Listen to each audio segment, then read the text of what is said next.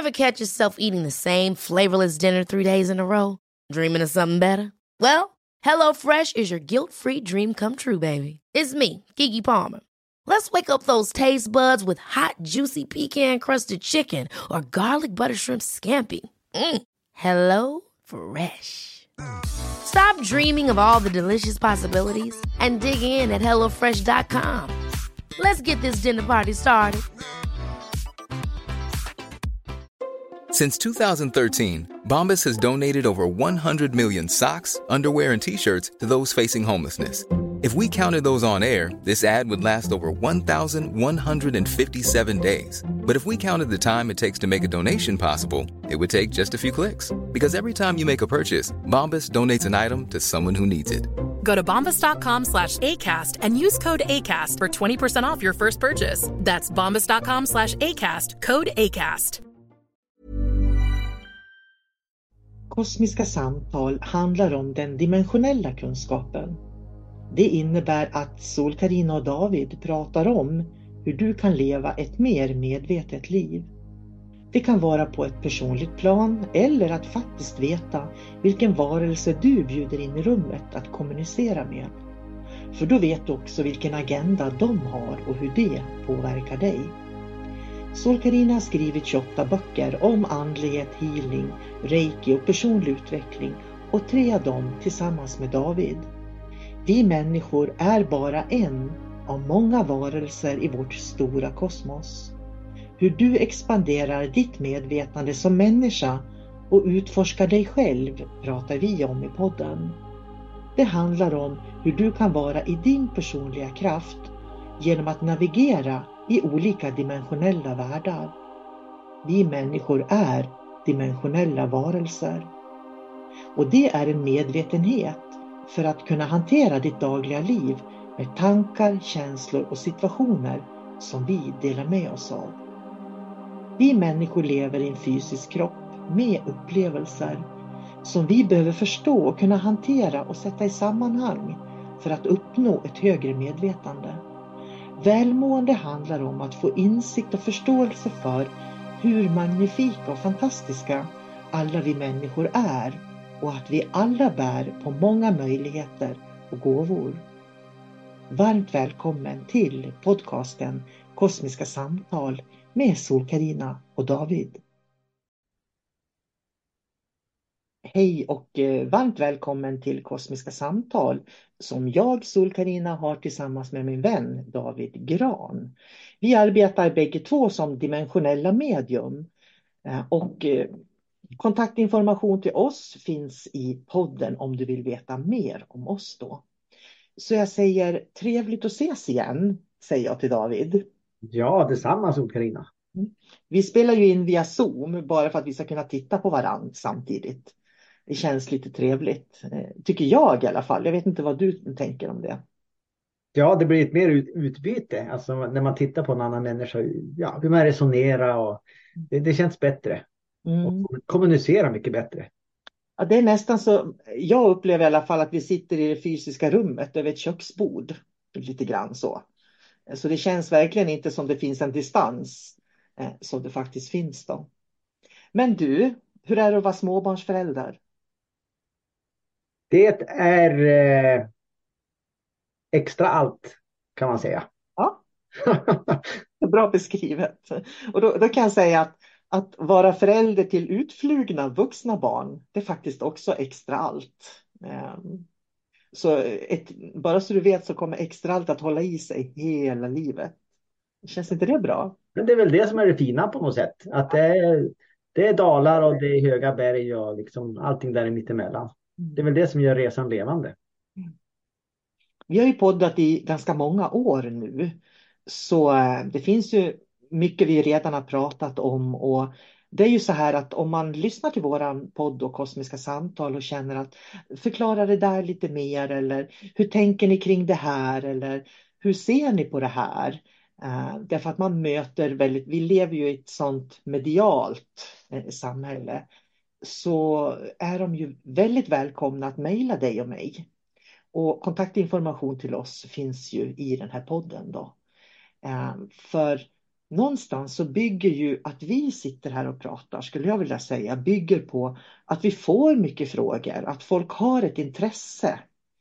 Ehm, och då delar vi ju då gärna med oss av våra erfarenheter. Vad tänker du om det? Ja men, ja, men visst är det ju så. Jag menar, vi, vi sitter ju här och pratar för att det är folk som vill veta, för att det är folk som vill lära sig och förstå och det är därför vi är här. Mm. Kort och gott. Så då behöver vi hjälp på vägen för att få veta vad, vad tycker ni är intressant? Vad vill ni veta? Och vi delar ju våra egna erfarenheter så vi sitter ju aldrig och svamlar om sånt som vi inte känner att vi har någon erfarenhet av.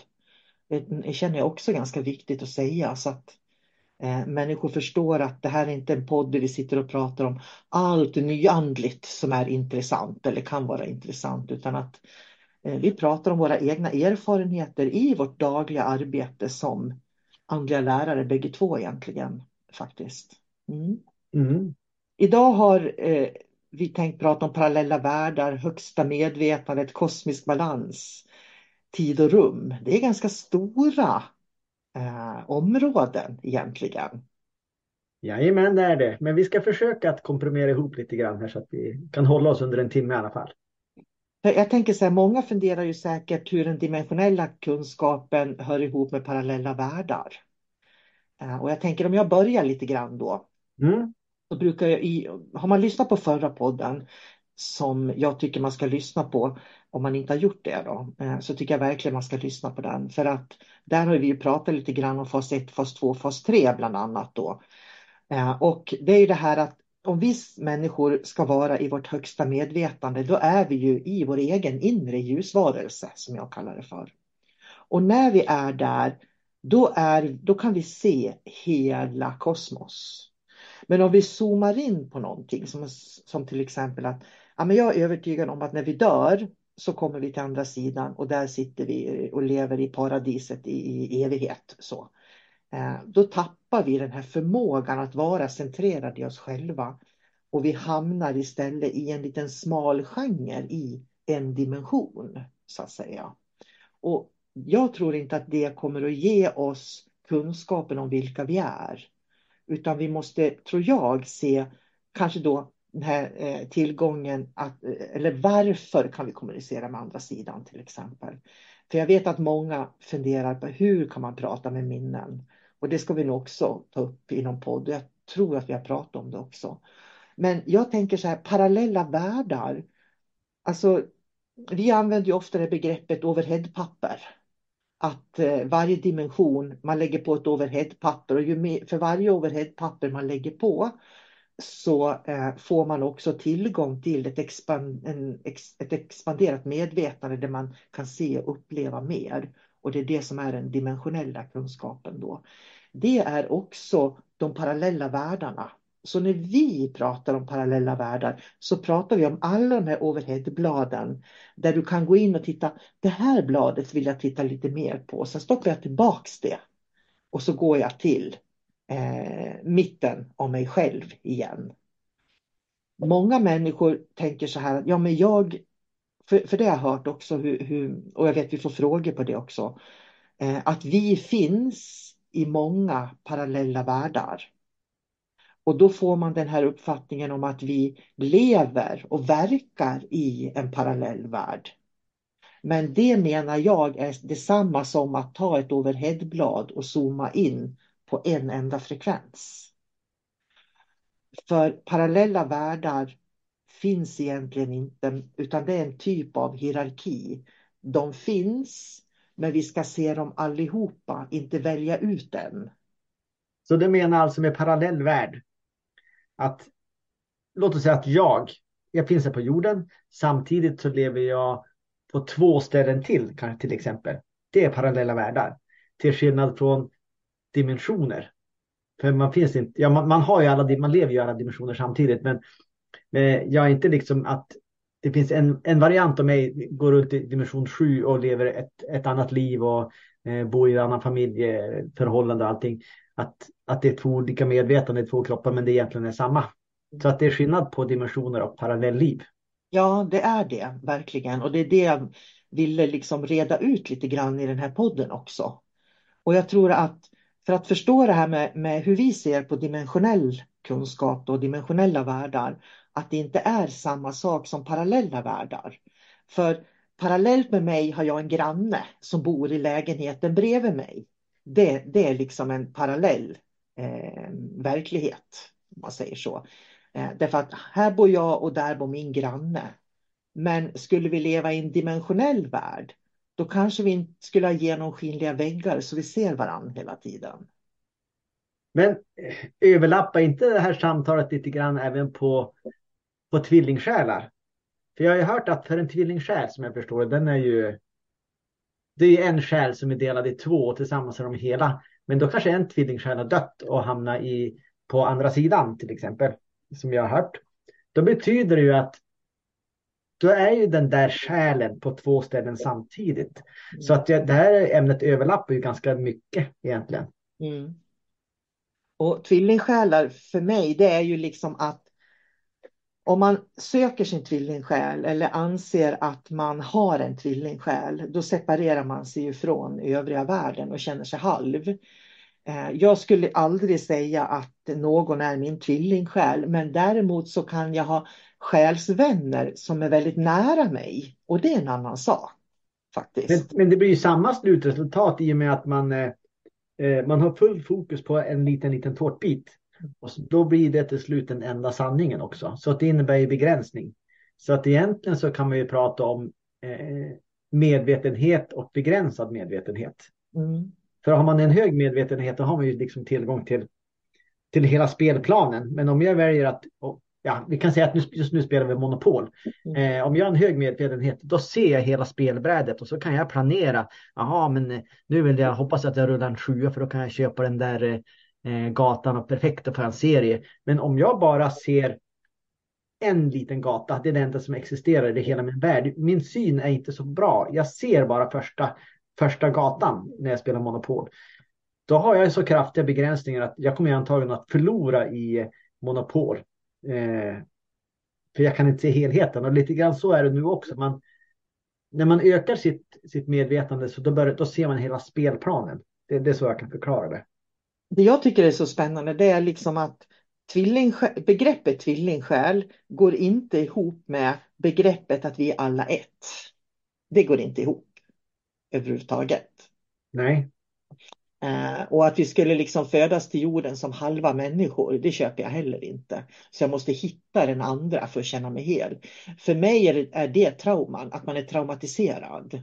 Och man är traumatiserad i hjärtat faktiskt. För att eh, en människa som är traumatiserad söker sig ju oftast till det som den tror eh, hjälper dem att läka.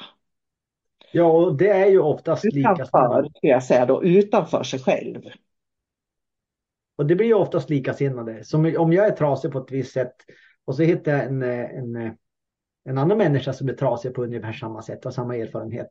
Så då söker man ihop sig och, och i det bästa av världar eh, så kan man vara stöd för varandra. Mm. I, I det inte så bra världar. Så då börjar man ha fokus på sina problem och man liksom bekräftar hela tiden att man är ett offer och liksom eh, och det gör att man inte tar, tar sig vidare heller. Mm. Så, att, så att det finns en fara med det. Helt enkelt. Ja, att det finns ingen personlig utveckling där. Du når ingen självkännedom, att du lär känna dig själv. Om vi nu tänker då att vårt högsta medvetande finns centrerat i mitten av oss själva. Och så har vi eh, hela verkligheten runt oss så att säga. Om jag anser att jag blir hel tillsammans med en annan människa, då kommer jag ju aldrig kunna se hela den verkligheten. Men om jag istället väljer att, att eh, jag har hela verkligheten inuti mig, då kan jag lära av varje människa jag möter. Lika ja. mycket. Och det är fantastiskt om man kan ha det synsättet.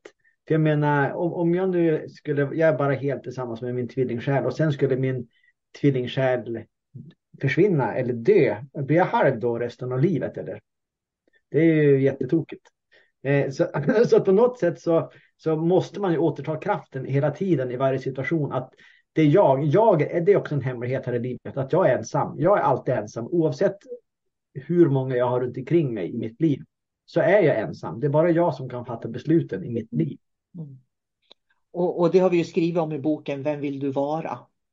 För det där är en hård verklighet som det, många inte klarar av därför att man är så beroende.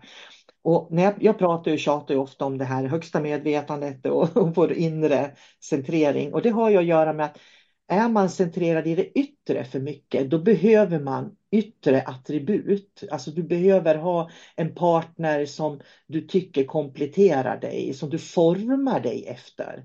Men om du centrerar i dig själv, då kan du se vilka kvaliteter din partner har och, och liksom dra nytta av det. Men du kan också se kvaliteter som andra människor har. Och det är det som gör att det blir det här nätverket. Då. Ja, och det blir, det blir liksom ingen konkurrens heller eh, på samma sätt som en del som eh, hela tiden ser andra som konkurrenter. Det är för att när man har fokus på det här eh, den yttre världen som faktiskt är en hierarki. Det ska vara status. Eh, symboler och man ska tjäna mycket pengar och det är fasader som ska byggas upp och det gör ju bara att man, man tappar ju liksom sin egen kraft hela tiden.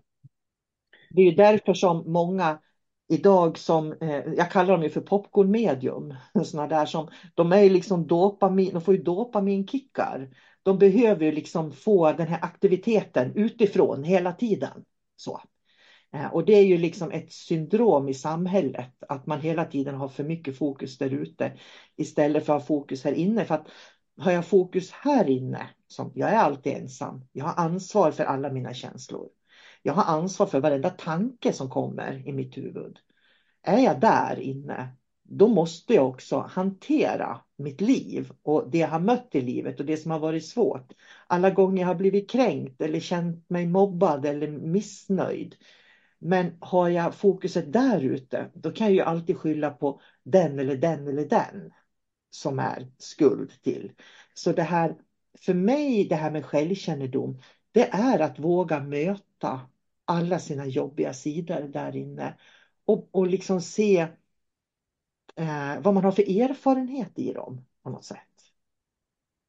Ja, så är det ju. Och jag kommer att tänka på en sak nu. Jag hade ju ett medarbetarsamtal med min nya chef eh, förra veckan. Och då sa hon i slutet, ja vi har ett litet problem David, sa hon. Ja vadå? Det är så att det är, en kollega som tycker att, eh, som jag pratar med, som tycker att du har kränkt den då. Eh, jaha, så jag, vad, vad är det frågan om då? då? Ja, så då tog hon upp en, en, eh, en historia och, och, det var ju så att på ett möte i alla fall som jag hade, då pratade jag med den här kollegan och jag förstod inte riktigt vad hon menade. Så att jag ringde upp hon efteråt och så sa jag det att alltså jag förstod inte riktigt vad du menar. Jag tänkte att nu ska jag prata med dig så, så att det inte blir något missförstånd. Så det är inget bra om jag sitter här och fantiserar och du sitter där och fantiserar utan så att vi bara kan eh, ta ut om det. Och då eh, tyckte jag att vi kom överens om, om vad du hade pratat om att det var utagerat. Men då hade hon tydligen blivit kränkt och sagt det till chefen så att det är så här man liksom det kan bli när man missuppfattar varandra. En del blir kränkt. Det, det var en god gärning från, från, från eh, min sida att jag ska prata med henne så att vi kan reda ut det här. Men då blev hon kränkt när jag tog upp det med henne. Så att det är så människor fungerar. Men då, då sa jag det till chefen också att egentligen, egentligen borde det vara jag som är kränkt. Men jag bryr mig överhuvudtaget inte. Så jag hoppas att det löser sig och du kan ju be att hon ringer mig om hon eh, vill prata. Det finns inget mer jag kan göra. Så att liksom ha en dialog. Och det är så intressant det där, precis som du beskrev det här med att för människor de känner sig kränkta och de känner sig utnyttjade och attackerade och mobbade och de manipulerade och avvisade och kritiserade. Liksom. Eh, och, och, grejen är att det har ju egentligen med dem själva att göra. För om, om du kränker mig, om jag känner mig kränkt av dig David, så har jag ju två val. Och det är ju att jag kan sitta här och tycka synd om mig själv och känna mig kränkt. Men jag kan också säga så här, okej okay, David, det där får stå för dig. Jag vet vem jag är. Förstår du? Ja.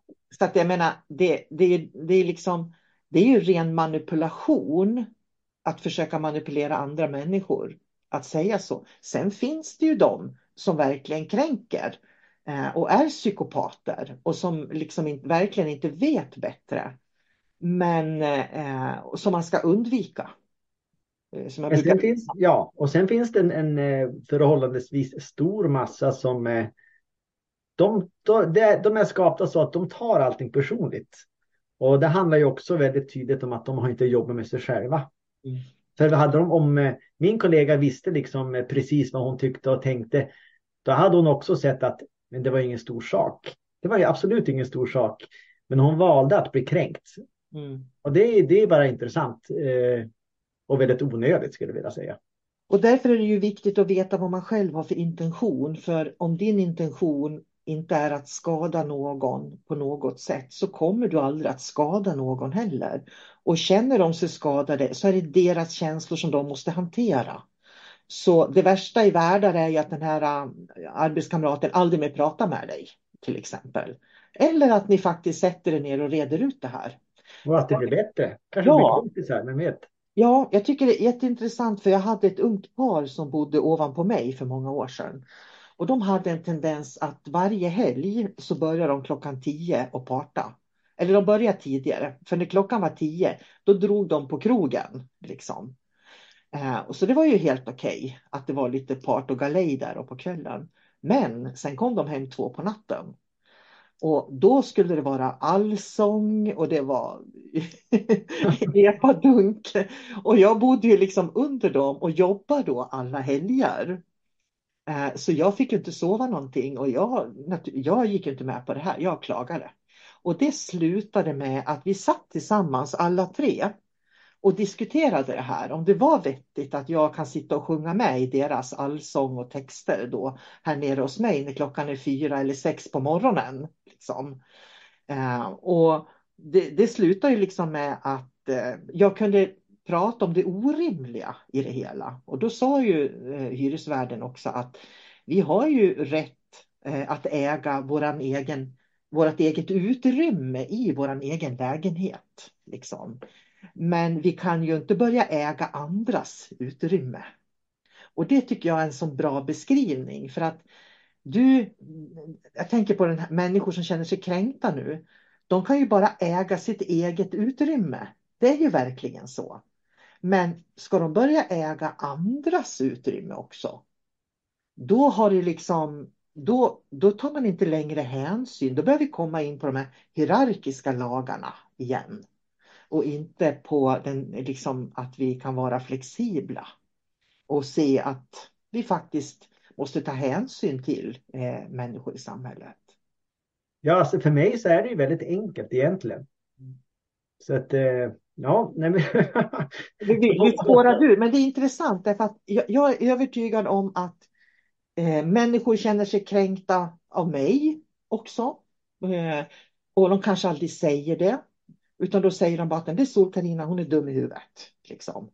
Så att, ofta får vi inte veta vad folk tycker om oss. Och det kanske är lika bra det. Egentligen. Nej, men, folk tar genvägar där istället för att säga, och de säger att ja, men Sol-Carina är dum i huvudet. Eh, då kan man ju säga så här, ja men vad, vad menar du? Säger jag. Ja men hon, hon är ju så duktig och hon har ett annat synsätt än vad jag har.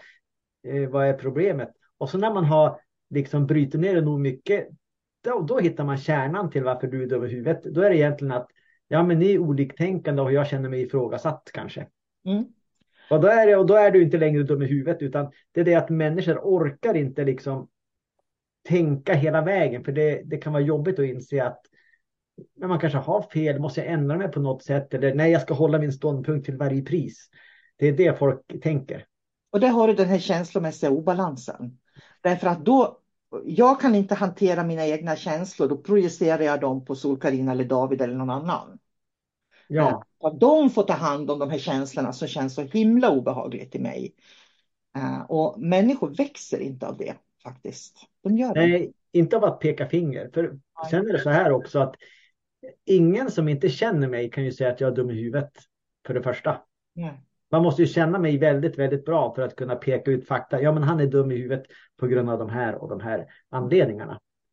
Men då eh. skiljer man ju inte på sak och person. Eh, jag tänker på, det är ju en sak med, eh, jag tänker på de här drama de här, vad heter de? Transkvinnor. Ja, precis. Killarna som klär ut sig till kvinnor.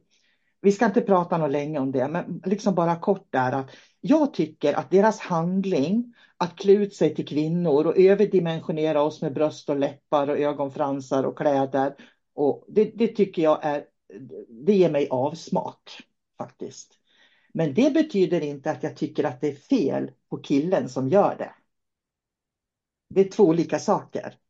Är du med? Jag är med. Ja, så, så det är det som jag tror att människor tycker egentligen att det är handlingen, en handling som inte är okej okay för dem. Medans personen har de ingenting emot egentligen, för de känner ju inte den. Men handlingen kan man känna igen. För, så att jag tror att det ofta är det så. Ja, det är handlingen man ser. Mm. Det är mm. handlingen som får ett symbolvärde. Mm. Så att helt klart är det så. Jag tänker på en sån enkel sak. Det finns ju människor. Jag skulle aldrig ta disktrasan och torka upp någonting från golvet med till exempel. Eh, utan då tar jag papper. Men sen finns det ju människor som tar disktrasan och torkar upp saker från golvet och sköljer under kran. Det, där, det är ett typexempel där, hur man kan tycka olika om någonting. Eh, men det innebär ju inte att den som tar disktrasan och torkar upp någonting från golvet är dum i huvudet. Utan det innebär bara att vi har olika sätt att se på hur man torkar upp sånt man har spilt på golvet. Ja, och det är likadant med de här som, det är en evig fråga. Ska man tvätta eh, frukten innan man äter den? En del säger att det är helt meningslöst. För eh, det går i alla fall aldrig att få bort allting som har suttit på skalet. Så skiter man i att tvätta det. Och andra blir så nej, nu måste ju tvätta det. Mm. Ditt äpple, annars blir du ju sjuk i princip. Alla har ju fingrar och hostar på äpplet i affären och sådär. Så att jag menar, folk får göra sin egen bedömning på vad är bra för mig? Var lägger jag nivån? Mm. Sak, sak och person lite grann. Ja. Men vi kommer ifrån ämnet kände jag. För vi skulle ju prata lite grann om eh, det här med tid och rum också mm, faktiskt. Ja, och då kan vi, vi har just nämnt det i våran eh, UFO-bok. Mm. Alltså vad är det med, med, med oss? Åtminstone med Jag kommer inte ihåg titlarna. Jag har skrivit tre böcker och jag kommer aldrig ihåg titlarna. Och jag kan bara säga, jag kommer ihåg den sista, Vem vill du vara? Men sen är det ju eh, eh en, en, eh, jag är precis som dig, jag kommer inte heller ihåg titlarna. Det är ganska märkligt. Eh, men, men jag, jag kommer att säga... Det har med utomjordisk närvaro. Ja, men det kallar rätt och slätt UFO-boken. Ja. ja. Eh, vi har nämnt det i UFO-boken också om tidslinjer, ungefär hur, hur eh, hur kan det vara så att utomjordingar kan komma hit och liksom manipulera?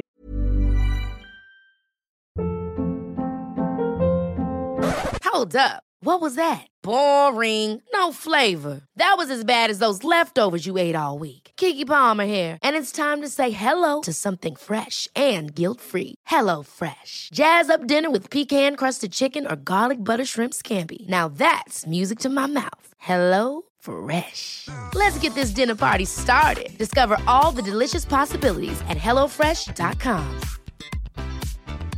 Hey, it's Ryan Reynolds, and I'm here with Keith, co star of my upcoming film, If, only in theaters, May 17th. Do you want to tell people the big news?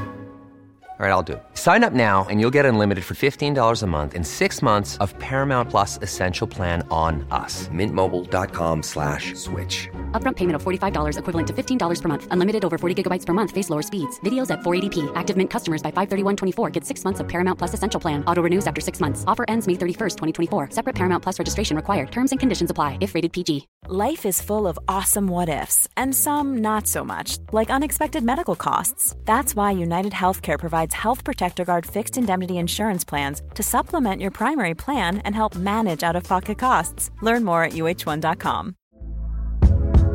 Hey there, it's Michelle Norris. I'm host of a podcast called Your Mama's Kitchen. When I travel, I'm usually looking for a way to find a taste of home when I'm not at home. And one of the things I love to do when I am at home is entertain. And Airbnb allows me to do that. When I was in California recently, I rented a house that had a great kitchen. And when we were sitting around the table, we we're all thinking, we're in someone else's house. Someone could be in all of our homes as well.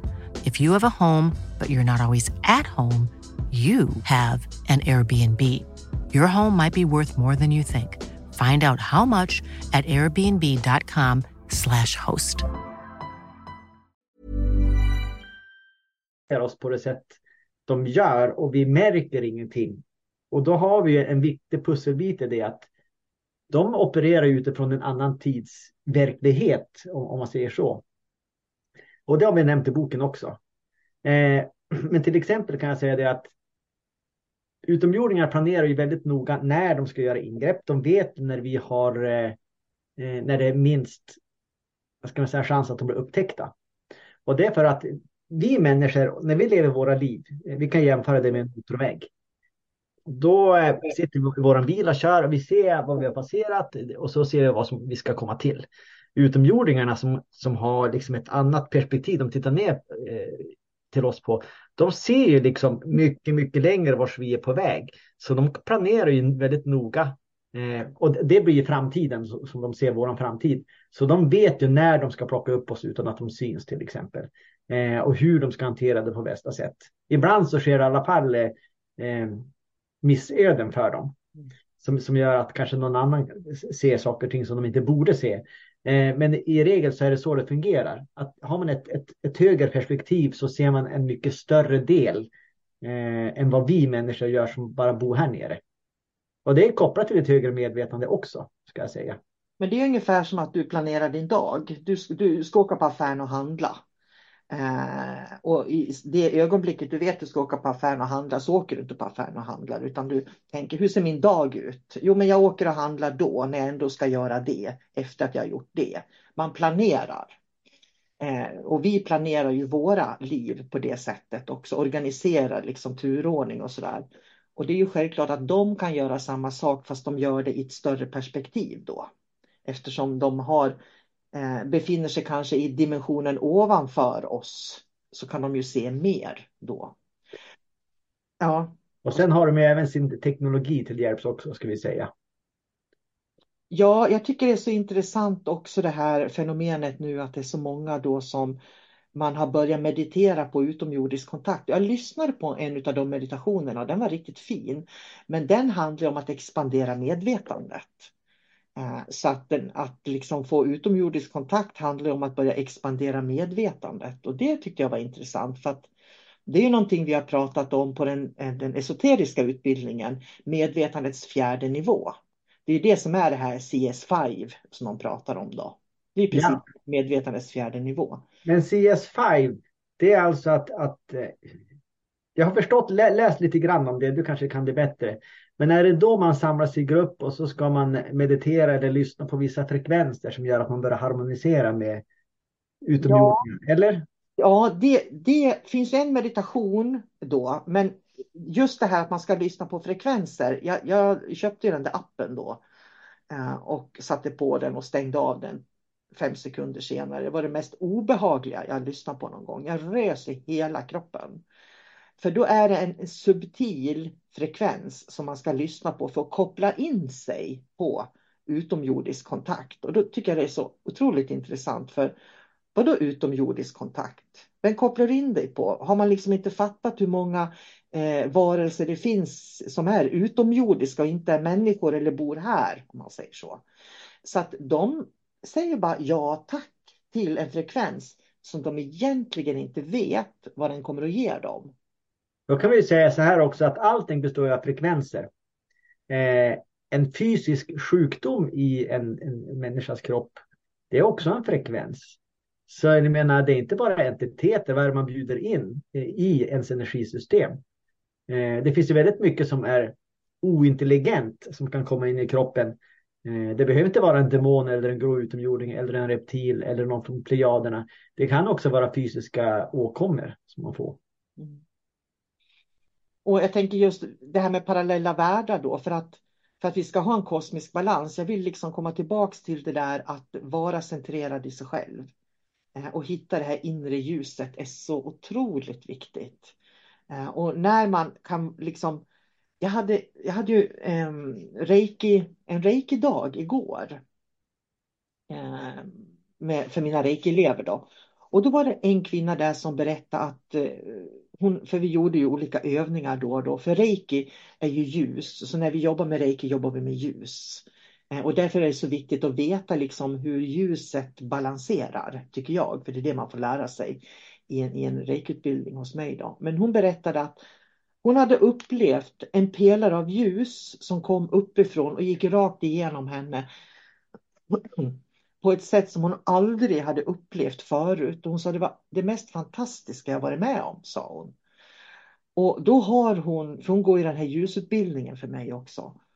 Så då har hon ju mediterat på den inre ljusvarelsen nu i flera månader. Och det jag tycker är så intressant är därför att när man börjar kunna lära känna den frekvensen så att det går att vara i den fast jag sitter och pratar här med dig. Då har du ju alla dimensioner runt dig. Då kan du ju se, det är ju det som är verkligen Akasha-biblioteket också, att kunna se så. Men om du pratar om parallella världar, då är du liksom inzoomad på, på enkla spår eh, hela tiden.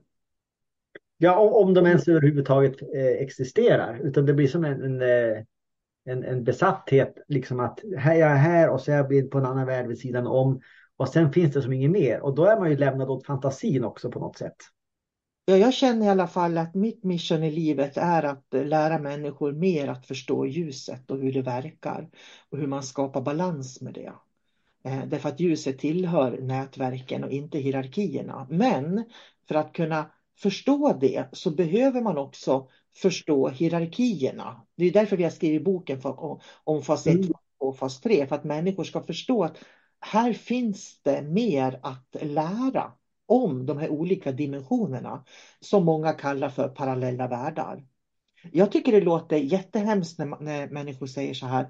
Ja, men jag vet att det finns versioner av mig i andra dimensioner. Och då tänker jag så här, nej, jag har då ingen version av mig själv i någon annan dimension. Jag är här och jag har alla dimensioner. Eh, jag har tillgång till alla dimensioner. Och för mig blir det någonting helt annat, verkligen.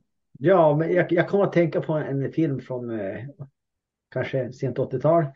Då var det liksom en, en eh, person som, som reste bakåt i tiden till nutiden.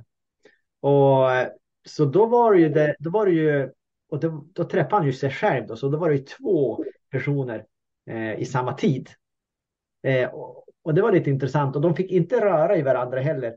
För eh, eh, två personer av samma materia fick inte röra varandra i samma tid. För då skulle de upphöra att existera. Det var som storyn i det hela. Men det där alltså det är jättekonstigt. Eh, åka i tid och rum och så sen, jag menar imorgon när jag vaknar. Det, då är det framtiden. Men fortsätt, fanns det en dåtid? Lev jag nu här också som två eh, personer då? Idag och imorgon. Och dagen efter det är vi, finns det tre David då. Eh, och dagen efter det finns det fyra David då. Finns det slut? Alltså det blir så otroligt avancerat. Och så ska allting där överlappa varandra. Så att jag tror på något sätt att det finns ett nu. Alltså vi lever här och nu. Det är det, det enkla svaret. Och sen är det vi som eh, genom vårt expanderade medvetande så kan vi liksom se framtiden vart vi vill vara. Vi, vi förstår vad, vad, vad, vi har varit med om, men det, det är nu att allting väsentligt sker. Mm. Men jag tänker på när, när jag var barn, jag var ju väldigt mycket sjuk när jag var barn och var sängliggandes. Eh, och då kom det ju en kvinna och ställde sig bredvid min säng och så åt mig att lägga händerna på mig själv. Och jag kommer ihåg den där värmen som kom i händerna. Det var så otroligt skönt och så kunde jag liksom somna in då för jag hade ju astma. Och på den tiden eh, i slutet på 60-talet, början på 70-talet fanns det ju liksom inga mediciner utan var man sjuk, då var man sjuk. Så. Eh, och det där var så fascinerande för jag var så övertygad om att den här kvinnan som stod där var en av mina andliga guider. Och det trodde jag gott och väl i 20 år att jag hade kontakt med en andlig guide. Men sen eh, bestämde jag mig för att initiera mig själv bakåt i tiden. Så jag initierade mig själv bakåt i tiden och så tänkte jag att jag ska hjälpa mig själv då den här perioden när jag var 7, 8, 9 år när jag var så sjuk då. Eh, och plötsligt så stod jag där när jag gjorde de här rejuiniseringarna bakåt bredvid mig själv, bredvid min säng och pratade med mig själv när jag var i, i sjuårsåldern. Och då fick jag en sån här aha-upplevelse att, för det är ju verkligen att gå utanför tid och rum eh, då. Att hade jag begränsat mig med och, och tro att, eh, i och med att jag inte begränsade mig så kunde jag liksom resa tillbaks till mitt lilla jag där och lära henne saker som jag har haft nytta av idag som har lett mig till mitt, den jag är idag. Så att det här är lite grann, man, man vänder på tid och rum, om man säger så. Eh, och, och, så att det gav ju mig väldigt viktiga insikter om att jag är en del av allting. Så det jag kallar andliga guider är egentligen en kontakt som jag kan ha med något dimensionellt plan. Så jag kan liksom eh, ha kontakt med ett dimensionellt plan, men jag kan också vara i mitt högsta medvetande. Och när jag är i mitt högsta medvetande, då kan jag göra såna här tidsresor också. Ja, du får ju den tillgången då. För om du är i ditt högsta jag eller om man säger att eh, man har fått kontakt med ljusvarelsen som eh, du uttryckte som ljusvarelsen, en inre ljusvarelse. Då får man ju också tillgång till det här uh, oändliga flödet som, som inte liksom eh, säger att det är rätt eller fel och det finns inga polariteter utan det bara är. Mm. Då har man ju möjlighet att liksom vandra där genom den källan om man säger så. Eh, och som du säger, gå i tid och rum. Det blir det. det. det. är samma sak vi kan göra här och nu. Eh, jag kan ju direkt gå tillbaka till ett minne när jag kanske var tio år, satt och åt glass, kanske hände någonting. Då kan jag bara gå dit nu, sätta mig ner, gå dit, uppleva det som att det händer nu. Och så kanske jag skickar eh, healing till den situationen. Jag förändrar någonting i den situationen som jag inte var tillfreds med. Och nu här idag startas det en förändring. Så jag kan plocka bort ett trauma bara genom att gå bak i tiden i tio sekunder och liksom göra om. Mm. Och då tar man bort all kanske, kanske ångest som har funnits hela livet. Det kan man ta bort bara, bara på ett ögonblick. När man kopplar upp sig på det höga medvetandet och samtidigt har en plan med vad man vill göra. För det är också viktigt. Och därför behöver man veta, liksom uppleva det högsta medvetandet. För att många människor de tänker ju känslor och tänker upplevelser. Det kan jag ju se när jag utbildar i reiki att man inte upplever utan man tänker att man ska känna olika saker. Och så länge du är i tankarna, då är du i de här looparna där du sitter fast liksom i, eh, i en dimension. Du har inte den här vidvinkeln och perspektivet då. Det, det är därför till exempel om någon som, om man säger att eh, jag vill förändra min ekonomi och så börjar jag jobba med mental, mentalt och med attraktionslagarna för att jag ska få bättre ekonomi. Liksom. Då skapar du ett väldigt, väldigt starkt spår till att du har brist på pengar och behöver ha mer pengar. Istället för att gå till hjärtat och känna att eh, jag har inte tillräckligt. Eh, vad kan jag göra genom tid och rum för att hjälpa mig själv?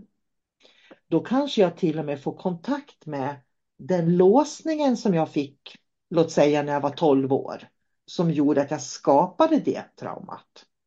Så allting finns redan inom oss.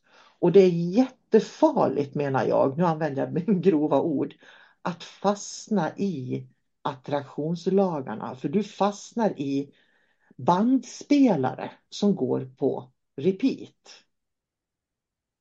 Ja, det blir en mental energi där. Ja, och där har du inte kontakt med ditt högre medvetande och du har inte kontakt med, med fältet också som finns runt oss. För att, liksom, om jag tycker jag har dåligt med pengar och ska använda attraktionslagarna till att få mer pengar, vad innebär det då? Det finns väl fler som har dåligt med pengar. Vi kanske ska hjälpas åt, alltså nätverket igen. Då. Eh, så att ja, det, det är intressant det där med tid och rum. Hur man använder det tycker jag och hur man hur många också fastnar i det. Jag tror mm. att det är jätteviktigt, precis som du går ut i samhället, du åker till jobbet, du går på affären och du träffar vänner och du är där ute och så går du tillbaks hem. Och så går du ut och så går du tillbaks hem. Och balansera däremellan. Ja, det tror jag är väldigt, väldigt viktigt. Och känna den jämvikten också. Men om, om vi pratar om det här med att man behöver dopaminkickar.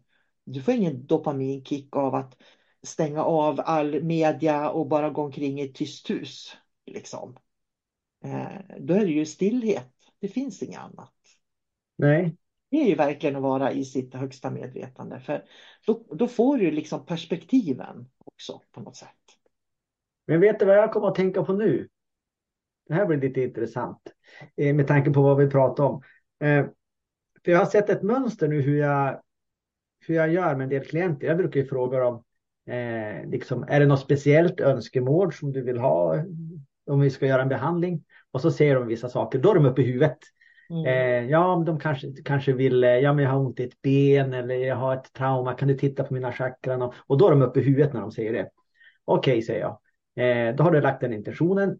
Det jag gör sen, det är att eh, jag öppnar upp deras hjärtchakran och aktiverar deras eh, ljus, inre ljusvarelse, som jag har lärt mig nu, det är ditt ord. Eh, det som händer då, det är att då får de kontakt med den där eh, den inre ljusvarelsen, eh, Shambhala, och eftersom de redan har satt intentionen, vilket de gjorde med sin, sin hjärna, eh, så då tar ljusvarelsen över och börjar jobba med de där delarna. Och då är de inte uppe i huvudet längre och då försöker de inte attrahera någonting. De försöker inte laga någonting. De vill bara ge balans. Och det är för att du speglar. Ja, flöde och balans. Ja, du speglar din inre ljusvarelse så speglar du deras inre ljusvarelse. Det är där de läker. Ja, och de fick sätta intentionen själv först. Eh, och det brukar jag också fråga, typ vad, vad, vad vill du ha hjälp med? Ja, jag vill bli frisk. Ja, men kan du säga det på något bättre sätt? Vad menar du med frisk? Ja, alltså jag, jag skulle vilja kunna gå igen och, till exempel.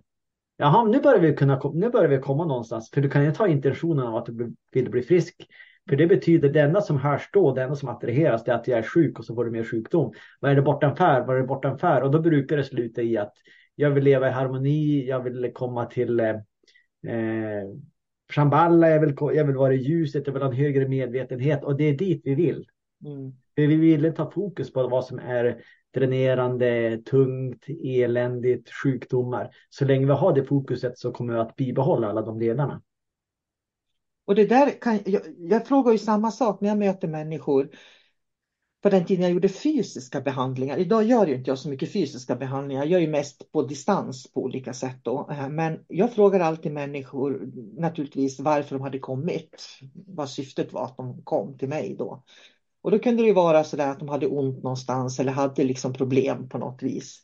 Eh, och då frågade jag, jobbar du eller är du sjukskriven? Och något som var väldigt vanligt då, det var att nej, jag, har, jag är sjukskriven eller har förtidspension. Och då var min nästa fråga, vill du komma tillbaka i arbete?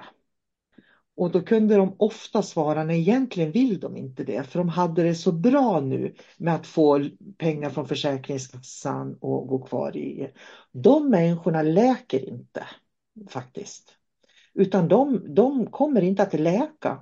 Jag har jobbat med människor som säger att jag vill inget hellre än att komma tillbaka i arbete.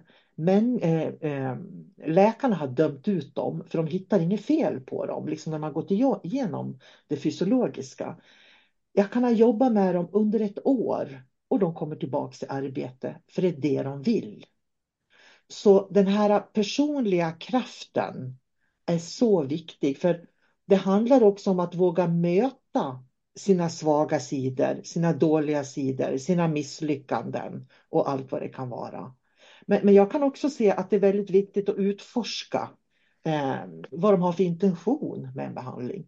Jag tänker på, vi har ju båda mött människor som jag har, jag har um, pratat med alla, alla healers i hela Sverige och utomlands. Jag har lagt ner hundratusentals kronor på att bli frisk. Ingen kan hjälpa mig.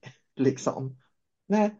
Vad händer när du blir hjälpt då? Vill du bli hjälpt? Hur ser ditt liv ut då? Liksom? Ja, det är en väldigt stor risk att man, om man tar sig an en sån att då kommer man bara att gå vidare och säga till nästa person att ja, jag fick ingen hjälp. För att de har inte den intentionen av att, att jag ska bli frisk, jag, jag ska, eller jag ska eh, eh, vill uppnå den här balansen, jag mår bra, jag förtjänar det kanske kan det vara, utan istället är man ju ett offer. Mm. Och det har ju blivit en identitet på något sätt också att jag, jag är den som är sjuk. Det är också väldigt vanligt. Mm. Att man börjar, det är därför jag brukar säga att man bör inte identifiera sig med, alltså egentligen med så lite som möjligt ska man identifiera sig, för det skapar bara eh, vad ska man säga, dåliga mönster. Men också ibland behöver vi identifiera oss. Jag menar när du är med din, eh, din dotter, då behöver du identifiera dig som pappa. Men ja, fast jag är ju pappa. Då är jag ju pappa. Ja, jag, jag, går ju inte runt. Det är skillnad på, på en, många av dem identifierar sig verkligen, ska inta en roll. Och det är skillnad på att inta en roll, en identitet och att vara någonting. För Alltså, det skulle lika gärna kunna vara hennes pappa när vi sitter och pratar, men det är det ju inte. Nu är det ju David jag pratar med, inte hennes pappa. Nej, ja, om man ska klyva ja. Hår, Ja, det är det jag menar med att avidentifiera lite Mm. grann. Att jag kan liksom gå in i roller, som man, om man ska kalla det för det då, och sen kan jag gå tillbaks till eh, att centrera mig i mig själv. Så att jag liksom, Ja, och så vara flexibel. För jag Ja. menar, som, som på jobbet, eh, då är jag en anställd och jag har kollegor. mm, Jag är, när jag är på jobbet, då identifierar jag mig inte ens med pappa. Jag går inte runt och pratar med alla kollegor. Vet du vad? Jag är en pappa. Nu tittar nu ska jag göra mina pappasaker. Utan det är, det är ju helt oväsentligt. Och jag kanske inte ens tänker en tanke på min dotter under många, många timmar. För jag, jag vet att hon är hemma och har det bra på sin plats. Mm. Händer det någonting så då får jag ett telefonsamtal förhoppningsvis. Eh, jag får träffa henne när jag kommer hem. Eller hämta hon. Och det är så enkelt att bara släppa det där då. Liksom att jag behöver inte ha en identitet. Jag behöver inte hålla garden uppe, öppen. Och jag behöver inte bevisa någonting. Utan leva man, upp till någon bild. Nej. nej, man, man tar det bara allt eftersom olika ämnen när de är aktuella. Mm. Innan vi avslutar så skulle jag vilja backa tillbaks till det här när vi pratar om att vara i den här inre ljusvarelsen. För som, när man kan spegla det hos klienter, det är då de läker. Det är verkligen min erfarenhet att det är så. Eh, men sen finns det ju de som identifierar sig med att jag kommer från Sirius eller Arcturius eller Plejaderna. Eller man kommer från utomjordiska civilisationer. Och då börjar man komma in på det här med hybrider, men det ska vi inte eh, fördjupa oss i nu. Men jag vill bara säga det att det är oftast fas 1 eller fas 2 som vi har skrivit om i UFO-boken. Så att det högsta medvetandet är inte på Sirius eller Plejaderna eller Arcturius eller vad det kan vara. Eh, om man inte är en hybrid. Det var det jag ville säga bara. Nej, du menar att hybriden, deras högsta jag är deras ursprung då? På något sätt. Ja, det blir de. De ska gå till det inre ljuset hos sig själva. Då kommer, kommer ju någon som tycker att de kommer från Sirius till exempel. De kommer ju att, att spegla det ljuset och då har du ett fas 2-ljus, inte fas 3 så att säga. Mm. Eh, Och, och det, där tror jag liksom världen ligger lite efter. Det kommer nog komma så småningom och jag tror att, att börja hitta den inre ljusvarelsen, börja hitta det jag kallar rätt ljus är viktigt. Därför att jag, jag kommer tillbaks till det här med den tibetanska buddhismen då, som pratar om kännande varelser och upplysta varelser. Vi följer i alldeles för stor del idag kännande varelser. Och när vi följer kännande varelser, då blir vi infiltrerade av andras åsikter. Ja, då är vi ju där igen med identitet och känslor. Det hör ju ihop. För eh, det finns en anledning också att till exempel att ja, men jag hör hemma på Plejaderna. Ja, Vad kan det vara ett uttryck för? Jag längtar bort, jag trivs inte här på jorden. Ehm, jag kan drömma om mitt paradis på Plejaderna. Och där är man inne i känslomässig loop igen. Liksom att det där, där på Plejaderna, där är allting bra. Ja, men det, det kanske det är. Men eh, om vi plockar bort alla tjänster kopplade till Plejaderna, till exempel som du har. Om du löser dina problem som du har här i din fysiska kropp på jorden. Och så tittar du på allting transparent. Då finns det ju någonting bortanför Plejaderna. Och det är ju liksom dit vi ska. Eh, och som vi har sagt genom hela den här podden, aktivera sin inre ljusvarelse. Och då kommer man till det här högre tillståndet. Mm, Bortanför liksom fysiska världar. mm, Och sen är det också, det är väldigt, det har ju varit under väldigt många, många år nu, även den här fantasygenren. Och det, det ska ju vara Narnia och Sagan om ringen och allt möjligt. Och det är lite grann samma sak. Det, det kan vara väldigt bra filmer, eh, väldigt bra för fantasin, komma in och undersöka. Men för många så skapar det också liksom en begränsning om man ser på det på fel sätt. Eh, för då, då, börjar man längta till hur det är i, i en film till exempel. Det är så vackert, det är så fantastiskt. Det är så där paradiset ser ut. Eh, det är så jag vill ha det. Ja, men då har man återigen skapat en begränsning istället för att bara ta del av alltet. Eh, ta del av det här flödet så att säga. Så att det, gäller att liksom navigera vist i, i den här världen så man inte blir påverkad. Och jag skulle vilja säga igen det här med att tänk på kosmologi. Vad finns det för kosmologi? Det måste finnas en logisk kosmologi på något sätt. För att vi kan inte alla vara ett om jag kommer från Sirius eller eh, Orion eller Plejaderna. Men vi kan alla vara ett om det är en del av den jag är. Så att det blir liksom någonting. Så, och på så vis, om det blir en del av den jag är, då kan jag ju också få tillgång till det overheadbladet med den kunskapen. Och då kommer man tillbaks till att vi har lilla fältet och Akasha runt omkring oss. Då. Ja, David, ska vi avsluta för idag? Vi, vi avslutar den här spretiga podden. Men jag tyckte ändå den var intressant. Eh, Ja, jag tycker det känns kul att podda igen eh, och få liksom lufta, eh, lufta sig lite grann, som, som jag brukar säga.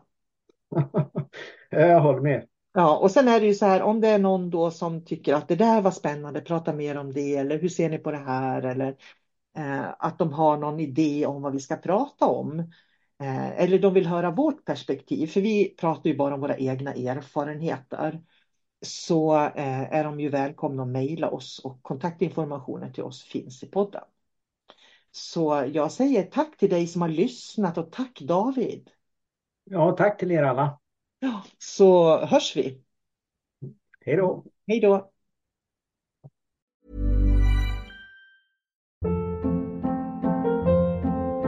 Hold up. What was that? Boring. No flavor. That was as bad as those leftovers you ate all week. Kiki Palmer here, and it's time to say hello to something fresh and guilt-free. Hello Fresh. Jazz up dinner with pecan-crusted chicken or garlic butter shrimp scampi. Now that's music to my mouth. Hello Fresh. Let's get this dinner party started. Discover all the delicious possibilities at hellofresh.com. Imagine the softest sheets you've ever felt. Now imagine them getting even softer over time. That's what you'll feel with Bowl and Branch's organic cotton sheets. In a recent customer survey, 96% replied that Bowl and Branch sheets get softer with every wash. Start getting your best night's sleep in these sheets that get softer and softer for years to come. Try their sheets with a 30-night guarantee. Plus, get 15% off your first order at bowlandbranch.com. Code BUTTERY. Exclusions apply. See site for details.